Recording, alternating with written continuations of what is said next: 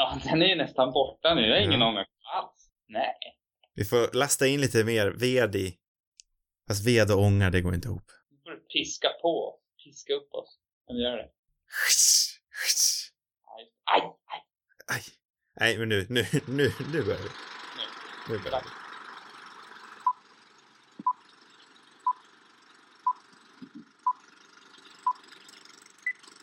Hej och välkomna till ännu ett avsnitt av Radio Rubus. Det här är Filmklubbspodden där vi varje vecka pratar om en ny film från obestämd genre och era.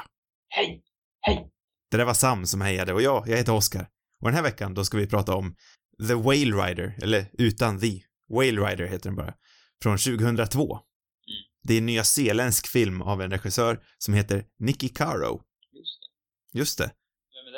Eh, hon är en regissör som, eh, kommer du ihåg att det kom ut en film för några år sedan som heter The Zookeeper's Wife med eh, Jessica Chastain? Mm. Hon gjorde den. Ja, så spännande. Ja, hon har inte gjort sådär jätte- jättemycket. Nej. Trots att den här filmen var en, en stor framgångssaga. Intressant. Eh. Då, det då tror jag du får vara, vad heter det, får mer eller mindre föreläsa för mig kan man säga. Eller du får ge mig. Nej, nej men, jag tänkte att du, du ska ju berätta grejer och det är bra för du har koll på läget. ja, jag har, ja, jag har, jag har sisådär koll på läget, men jag, jag använder min, min, eh, Och är alltid förberedd. jag är alltid förberedd. Ja. Eh, men hon, hon ska, hon kommer nog bli något av en större deal om hennes nästa film går bra, för hon ska göra en sån här Disney-film. Jaså? Ja, hon, eller hon har redan gjort den tror jag. Hon ska göra live action-versionen av Mulan åt Disney. Passande. Ja, så hon har ju fått ett, ett stort gig i framtiden, så det blir spännande att se hur hon lyckas. Eh, men det här, jag vet inte om det här var hennes första film faktiskt, men det var väl absolut den som satte henne på kartan. För den här filmen vart ju, ja, bland annat Oscars nominerad för bästa kvinnliga huvudskådespelare. Eh, för hon lilla flickan som har huvudrollen i den här filmen. Ja. Eh, ska vi tagga igång dig lite med att du börjar att beskriva vad den här filmen handlar om? Jag hade inte att jag skulle, vet du, outsourca den för dig då. Ah, okej. Hur känns det? Känns- Jo, men det, det känns väl okej. Jag kan ta det ansvaret. Eh, The Whale Rider, det är en, en nutida historia om kärlek, rejection, triumf om en ung maori tjej som eh, fightas för att uppnå hennes öde när hennes, som hennes farfar vägrar att uppmärksamma. Det där kom jag på helt själv. Tack, tack. Det där du gjort. Ja. Nej, men det är, ja, det är, är en film som handlar om det. Det handlar om en, eh, en liten flicka som eh, går emot alla odds för att uppnå hennes öde. Det är väl det man kan sammanfatta det som. Mm. Och eh, de största oddsen, det är väl hennes farfar som både älskar och inte älskar henne. Nej, han är ju rätt oskön typ. Ja, fast ändå en skön typ ibland. Ja, alltså om man inte är hans barnbarn. Han är, han är ju skön för att han, han är till exempel bra på att cykla runt i ring. Ja. tycker jag är en härlig grej. Mm. Men han är ju också ett svin. Jag vet inte. Men det är, ja, ett härligt asshole. Kanske det här, alltså han är ju bland de svinigaste, vet du, far, farfadrarna. Film ändå. Mm. Fast ändå lite snäll. Ja, så jag tycker det är en fascinerande relation och det är väl det som gör att filmen håller. Mm. Eh, men det är mycket också för att den inte är den här, eh, alltså det, samtidigt är det men ändå inte den här vanliga handlingen om eh, farfar som inte accepterar sitt barnbarn förrän i slutet. För jag tycker ju ändå att det finns ju ändå liksom strål, genomstrålningar av acceptans från honom. Mm. Jag tror egentligen att han är helt fine med henne som, som person, men det är just den här bördan av, eh, av, eh, ja vad hette den där, av Paikea, hette det så? Pike, ja, det, Ja, det var väl precis som hennes namn. ja precis. Eh, ja, det är väl just den här bördan av Paikea-legenden som gör att han inte accepterar henne och jag tycker ändå det är en väldigt intressant vändning på den här tropen ändå med, med den oaccepterande fadersfiguren. Mm. Ja, ja det är det. det, det han är ju, han är ju mer eller mindre knäpp. Mm. Man kanske inte tycker synd om honom nästan. För att han är så rubbad. Eh, men eh, ja, det, det är ju som en ny. Den, den påminner ju om mycket men det är en egen ny take på. Men och, och så börjar det här att att den är väldigt rolig, tycker Mm. jag gör mycket. Mm. Jo, den har charm. Ja. alltid lite såhär, när jag ser det så står det familjefilm på en, på en, i, i, på, som genre liksom. Då blir jag alltid lite kräk, illamående. jag hatar ju rent generellt familjefilmer. Ja. Framförallt då från Hollywood. Liksom. Mm. Kladdiga och jag vet inte vad det är för någonting. Men de är ju ofta är de gjorda för barn för mycket kanske. Mm. Den här filmen känns ju inte så. Den här, den här, det är väl en familjefilm men den är inte alls som en, av någon anledning så är den inte alls som en klassisk familjefilm för jag tycker den tilltalar vuxna lika mycket. Ja, men den är ju inte så glättig, det är det, den är ju inte överförfinad. Nej, och den känns ganska genuin och äkta också på något Mm. sätt. Det är inte de här, ja men också att det är trovärdiga barnskådespelare till exempel, det är ofta ett problem. Mm. I andra, det är någon ful unge med pottfrilla. Som de hemska amerikanska filmerna. Man hatar de där barnen. Det finns ju liksom inget värre. Ja, men Det- för... Störd liksom att se alla de där dryga amerikanska ungjävlarna med fula frisyrer. Jag tror det. ja, okej. Stämmer inte det så? Och med det sagt. Det är alltid någon dryg jävla pojke också. Ja.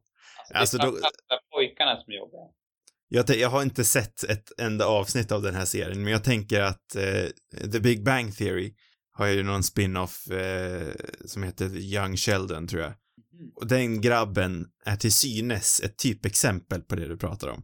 Oj, det, det där har jag fullständigt missat. Men det kanske jag borde vara glad för. Det här känns någonting som jag verkligen kommer hata. Ja, den kanske inte ens existerar den här serien nu mer, men jag vet att den gjorde det ett tag i alla fall. Och han verkar så fruktansvärt dryg, den där lilla ungen.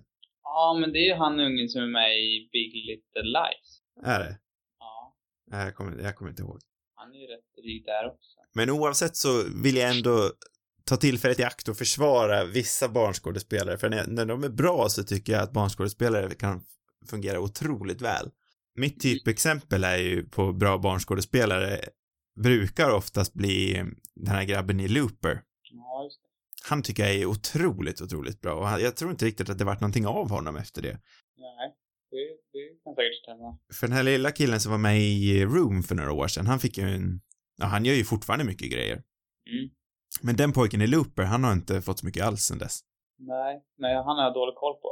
Den, den film som den här, eller som jag på en gång kommer att tänka på, det är ju Beast of the Southern Wild, eller Beasts of the Southern Mm.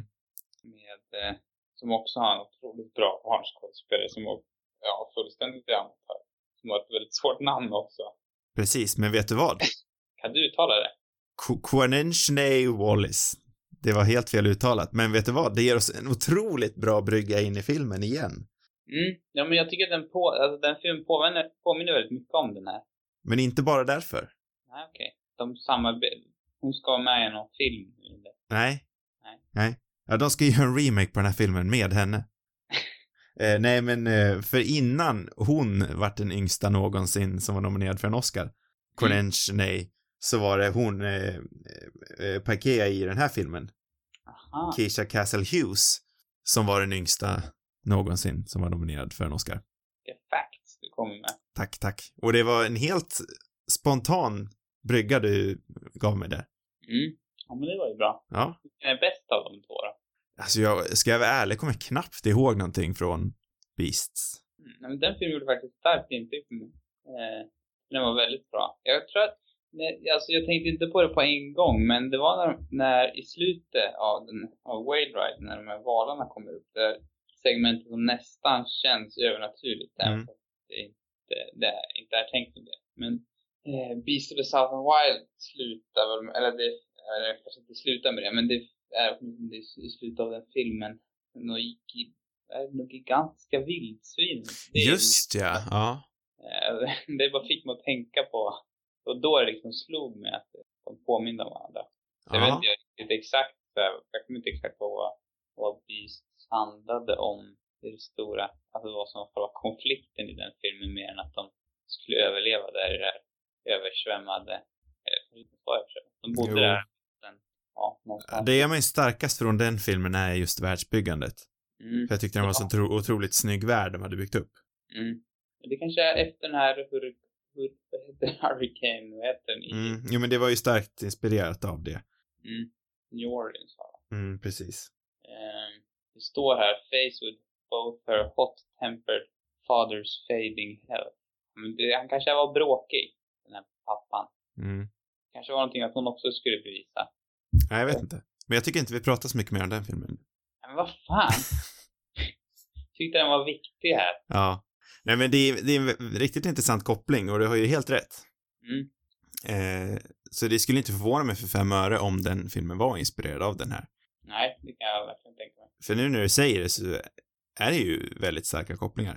Ja, nej men jag, jag lovar, jag får gå vidare nu. Men jag, jag tyckte det var åtminstone viktigt att nämna här. Jo, nej men du, nu vart jag nästan sugen att spinna vidare för, för den filmen handlar ju också liksom, jag, återigen från minnet som inte är starkt, så uh, har jag för mig att det känns som att den uh, lilla byn där var väl på väg att bli utdöende eller något sånt där.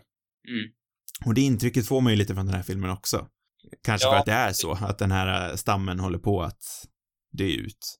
Ja, och det känns också som att det är det här väldigt tydliga budskapet och temat kring miljö och sådär. Att eh, hur, vart miljön är på väg på något vis. Kan inte så här in your face, men det känns som att det finns ett tydligt tema i båda de här filmerna. Mm. Eh, Och den lilla människan. på något sätt. Ja, den lilla människan som kunde mycket. Mm. Mer än vad man skulle kunna tro vid första anblick. Mm, precis. Mer än vad den där jävla farfarsjäveln tog. ja. Nej, Ska vi prata lite mer om farfar? Finner du någonting liksom? För jag tycker ändå någonstans att han är en väldigt härlig karaktär, så finner du någonting som är lite förlåtande med honom ändå? Mm, Ja, alltså det, det måste ju vara, det måste ju finnas någonting för att man känner ju ändå delvis för honom. Mm. Om man, han känns lite grann som en SD-gubbe eller någonting. Han är brutal nationalist. Ja. Han är väldigt konservativ. Ja. Han hatar kvinnor. Nej, det kanske inte gör. Jo, men mer eller mindre. Och, så jag vet inte vad det är som gör... Men ibland så är han ju väldigt varm mot henne. Det är bara att han inte tycker att hon ska få... Nej, nej, jag vet inte. Det är som att han låter traditionerna överväga känslorna på något vis. Ja, precis. Ja, det är någon typ av stolthet kanske. Mm. Det, ja, det är kanske därför man känner för honom. Jag vet inte riktigt. Men ändå, eller så är det att han är så sympatiskt skådespelad i de här härliga scenerna. Mm.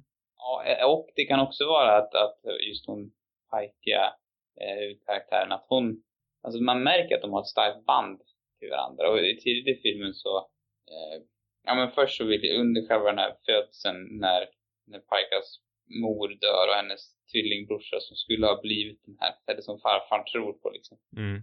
Eh, och när han, farfar inte vill ta emot henne ens, liksom, han vill att du ska kasta bort henne mer eller mindre. Eh, och, men sen när vi hoppar fram i tiden så, så får man väl höra Pajka berätta själv om hur, hur han ändå har, gillar henne nu liksom, och accepterar henne på något vis. Mm.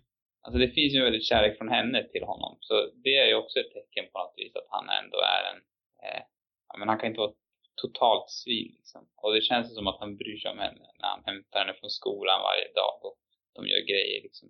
Ja, men han, han är väl, han är väl kanske definitionen av tough love. Och så då av. Av tough love på något vis. Ja.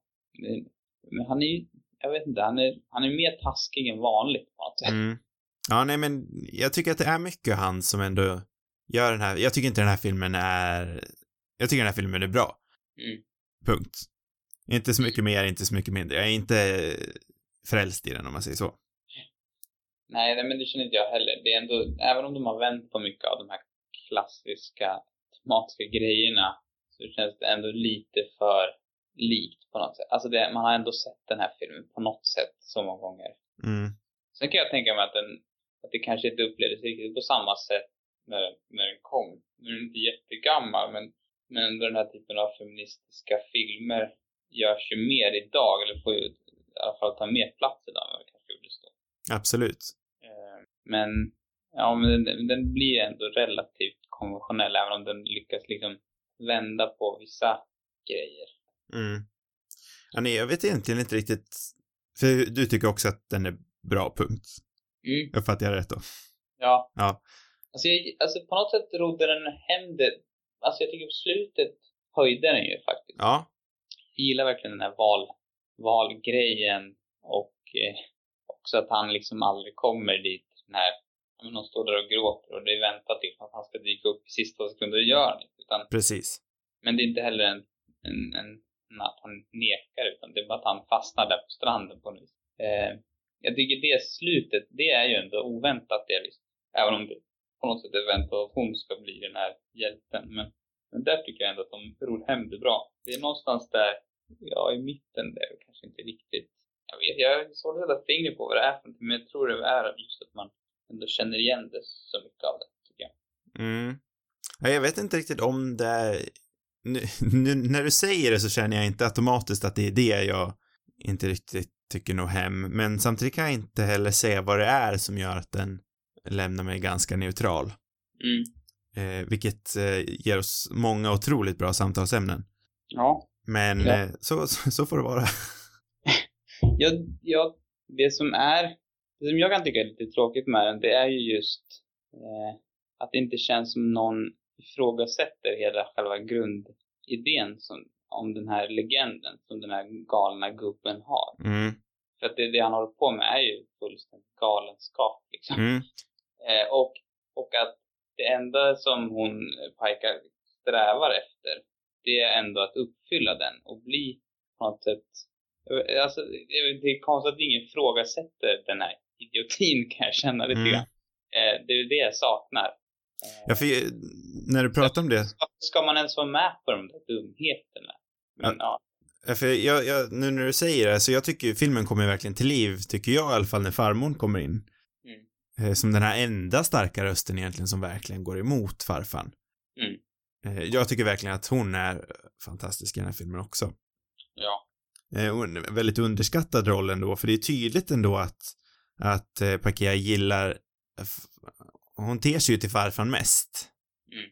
Även fast det inte är där, det är som att hon också söker någon slags bekräftelse hela tiden. Ja, så är det ju. Och eh, det är väl hans bekräftelse som är den svår att få liksom. Mm. Hela tiden få kämpa för. Ja, för hon säger ju det i början av filmen att there was no gladness when I was born, vilket är en väldigt stark replik för att komma från ett barn. Mm.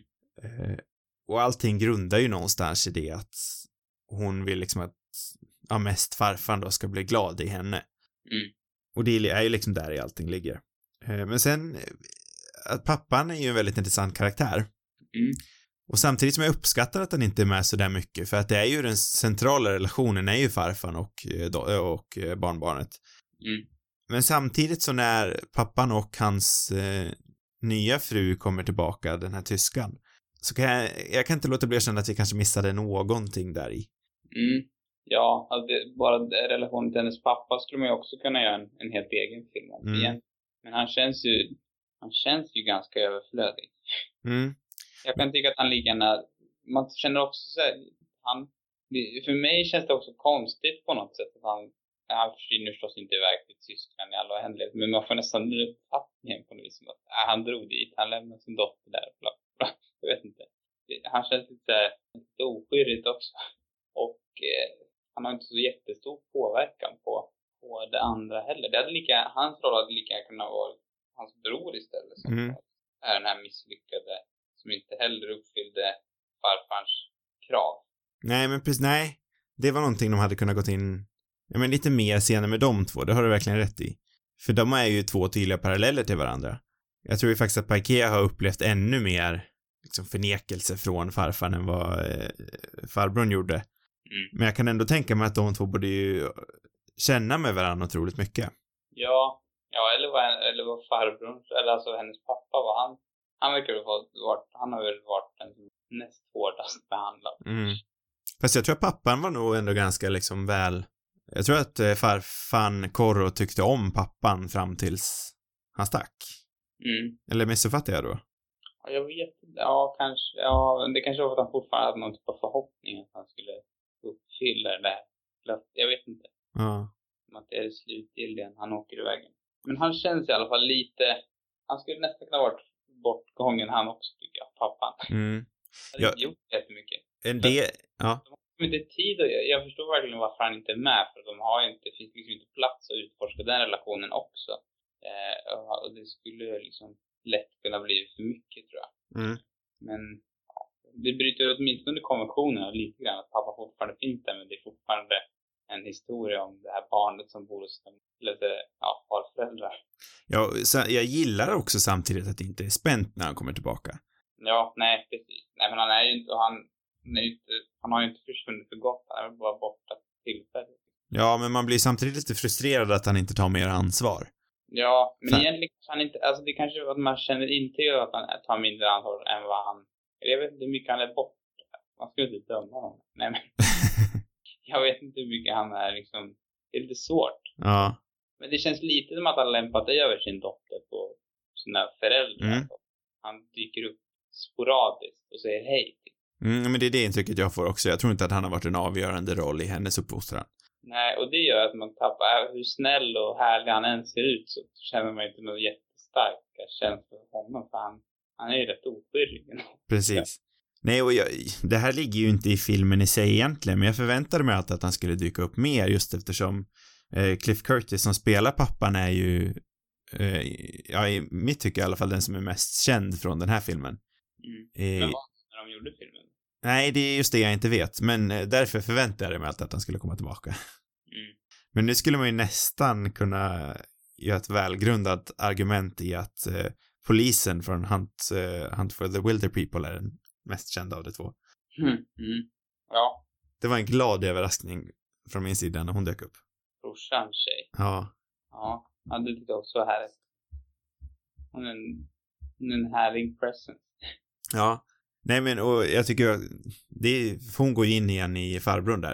Mm. Och jag gillar verkligen han. Jag tycker han är jättestark för han, han, han har ju liksom, han är ju en av de mest roliga karaktärerna i filmen, men han har samtidigt en väldigt stark överliggande sorgsenhet över honom tycker jag.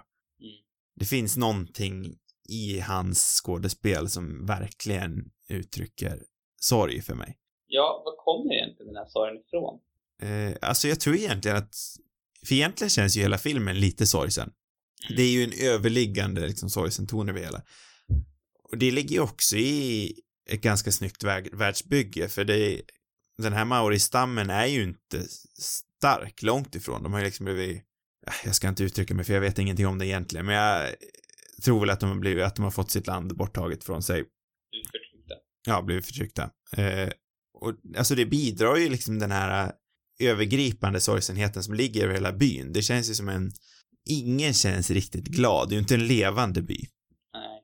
Det kanske är just den, det är kanske just den sorgen som, som gör att han liksom, vad ska man säga, det är kanske därifrån det kommer den här strävan, eller att han nästan blir liksom knäpp på något sätt. Att, att det, det kommer från sorgen att hans, hans folk eh, blir förtryckta och Mm. svagare och svagare. Att det är den sorgen som, som gör honom stollig och att han måste liksom tro på de här gamla legenderna. Och det är Mm. det enda liksom som spelar någon roll i slutändan. Jo, men för det tycker jag väl ändå framkommer en del. Mm. För han är väl tekniskt sett byns ledare. Mm. Och så, hans roll är ju då liksom att främja byn och få den att, jag menar, frodas, och det gör den ju uppenbarligen inte. Nej. Eh, så det, jag, jag tror det ligger mycket i det du säger. Mm. Att det kan vara en stor anledning till varför han är som han är. Ja. Men det är ju intressant. Ja, nej men det, det är verkligen i, i han styrkan ligger för mig. Men sen är ju Parkea väldigt, filmen hade ju inte varit någonting utan henne heller. Nej, och det, kan, det är också ganska mycket att kräva av ett barn på något sätt ifrågasätta den här legenden. Alltså egentligen så, det är kanske snarare att någon annan av de vuxna borde ifrågasätta eh, det här.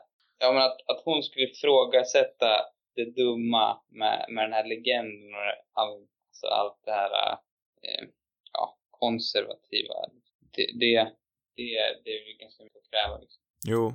Men så kanske att det hade varit starkare om man hade gett den, alltså hon bidrar ju absolut med det, men en ännu starkare motståndarröst till farmor.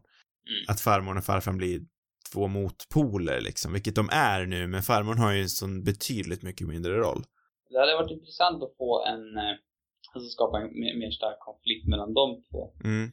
Och det hade varit extra starkt om, om, eh, vet det, om, om Paika liksom nästan, alltså sviker farmor bara för att hon strävar för hårt av att uppfylla den här farfarns eh, ja, krav. Mm. Mm. Eh, det vore ju spännande att det liksom blir någon typ av konflikt mellan alla tre där. Mm. Ja, jo. Jag tror kanske att du prickade det som inte riktigt gör att jag älskar den här filmen. För jag tycker aldrig riktigt att dramat lyfter till de höjder det skulle kunna gjort. Nej, det, det är någonting som håller det tillbaka och där, det känns som att skulle man ha jobbat lite mer på det, det farmor en mer betydande roll. Mm. Inte, för här är hon är ju väldigt passiv. Mm. Ja, eller farbrorn eller pappan. Jag tror att vilken som helst av dem hade funkat, men en mer motsägande röst i alla fall. Mm. Ja, men det hade blivit extra starkt om det var just farmor. Ja, absolut. Ja, men det, där hade då hade den nog hela filmen i sig, alltså det var på mycket högre kvalitet.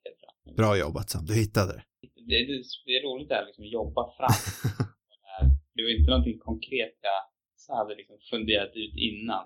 Nej, nej men jag, jag funderade faktiskt på vad det var, men nu, nu, nu när vi har diskuterat det här så känns det verkligen, jag känner i magen att det var det här det var. Ja, Där är låga anledningen. men sen tycker jag ändå att filmen växer liksom på något sätt. Jag såg den igår för det var inte länge sedan, men jag menar den, jag tycker ändå att den växer på något sätt med tiden ändå, även om, om man hittar grejer som hade kunnat vara bättre. Mm.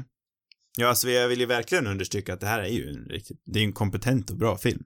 Mm. Och jag, jag, jag, det var väl kanske också mycket just slutet som fick, för jag tror jag tänkte där i mitten att, att det vet vi alla vart det är på väg någonstans. Mm. Och delvis visste man vart det var på väg, men riktigt, inte riktigt i alla fall. Nej, alltså, eh, för den blir ju lite smått, kanske inte övernaturlig, men det är ändå några lite övernaturliga drag. Mm. Där när Det- valarna kommer in. Var det någonting du förväntade dig, eller hur, hur bokstavligt tog du det här, den här Whale Rider-titeln? Nej, det väntade jag mig nog inte. Det var därför jag kom att tänka på Beast och The South and Wild, upp, väldigt uppenbara övernaturliga slutet. Mm. Nej, det hade jag inte alls väntat mig. Jag tror det var det som, som jag gillade verkligen. Mm.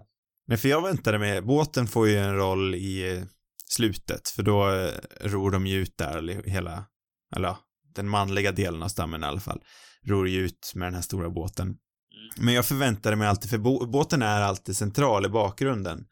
Så jag förväntade mig någonstans att båten skulle ta rollen istället för valen. Ja. Eh, Men jag tycker det här är mycket starkare, jag tycker det här funkar jättebra med valen. Ja, för att det är ju, det känns ju fortfarande liksom, det kan ju, det är ju ändå realistiskt på något sätt. Ja, nej men och att det inte blir, för det känns också, även fast det är ett, ett väldigt vinnande ögonblick så är det fortfarande tragiskt. Mm. Den blir ju inte rädda Willy i slutet. Och alla skriker och blir glada, utan hon håller ju på att dö på den här valen. Ja. Jag har inte sett Rädda, Rädda Willy. Det är en bra, är det när man följer upp den här med? Nej, jag har inte heller sett Rädda Willy. Jag vet bara det här klassiska ögonblicket då späckhuggaren eh, hoppar över huvudkaraktären så skriker han glatt. Mm. Och den här klassiska Spielberg solnedgången i bakgrunden, även fast det inte är en Spielberg-film. Warhorse känns Ja, jo men starka Warhorse-vibbar. det låter ju vidare. Nej, jag, jag tänker ju att eh, Rädda Willy är mycket glättigare, men det kanske den inte är. Jag ska inte säga någonting. Det tror jag. Alltså det som gör, för den här är ju, om vi ska gå tillbaka till det emotionella och, och känslomässiga så är den är ju väldigt liksom emotionell. Mm. Och det är folk som gråter och liksom är riktigt, ja men, men just för att den här har det här allvaret och den här glättiga, vanliga familjefilmskänslan så funkar det ju. Mm. För, för mig som blir problemet familjefilm när det kommer det här liksom kladdiga slutet som inte riktigt stämmer resten av filmen liksom. Mm. Det är så svårt att när det kommer ett allvarligt slut som ska säga någonting och sen har resten varit trams. Det det liksom inte, tycker jag. Nej. Här så har det, liksom, finns det ett allvar genom hela filmen och därför så, så funkar även de här väldigt emotionella delarna. Jag kan tänka mig att det här är en väldigt bra, att den här filmen funkar mycket bättre i, ur en nyzeeländares ögon.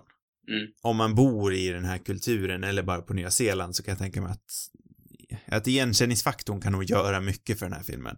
Mm. För absolut att du och jag eller andra som inte bor på Nya Zeeland kan ju absolut relatera till, till eh, farfarförhållandet och till att leva upp till förväntningar och sånt där. Mm. Det är ju väldigt relaterbara, eh, det är väldigt relaterbar tematik. Men jag tror också att om man kommer från just den här kulturen så har den här, skulle den här handlingen funka mycket, mycket starkare. Ja, du menar de mer kulturella, alltså Ja, men den kulturella aspekten ju- dels ur, eh, ur eh, Majoris eh, perspektiv. Ja. Men också liksom rent ur, eller ja, mest ur, mest ur ett Maori-perspektiv. Jag tror att det finns ju en annan alltså anledning på något vis också att, att hålla fast vid den här typen av traditioner som känns mer berättigat i deras fall. Som, när de som har blivit liksom utsatta av det typet av, av övergrepp. Nu kan jag inte mycket om det, men jag, det jag tror i alla fall. Om man jämför med liksom väldigt, eh, ja, men de som är, vill liksom hålla fast vid traditioner i Sverige, då, där finns det inte alls den vi har liksom inte blivit utsatta för några övergrepp i Sverige. Nej, alltså vi har ju samerna och varenda kultur har väl, Ja, jo men, ja, jo, de har ju, men jag menade mer, jag tänker mer på SD gärna.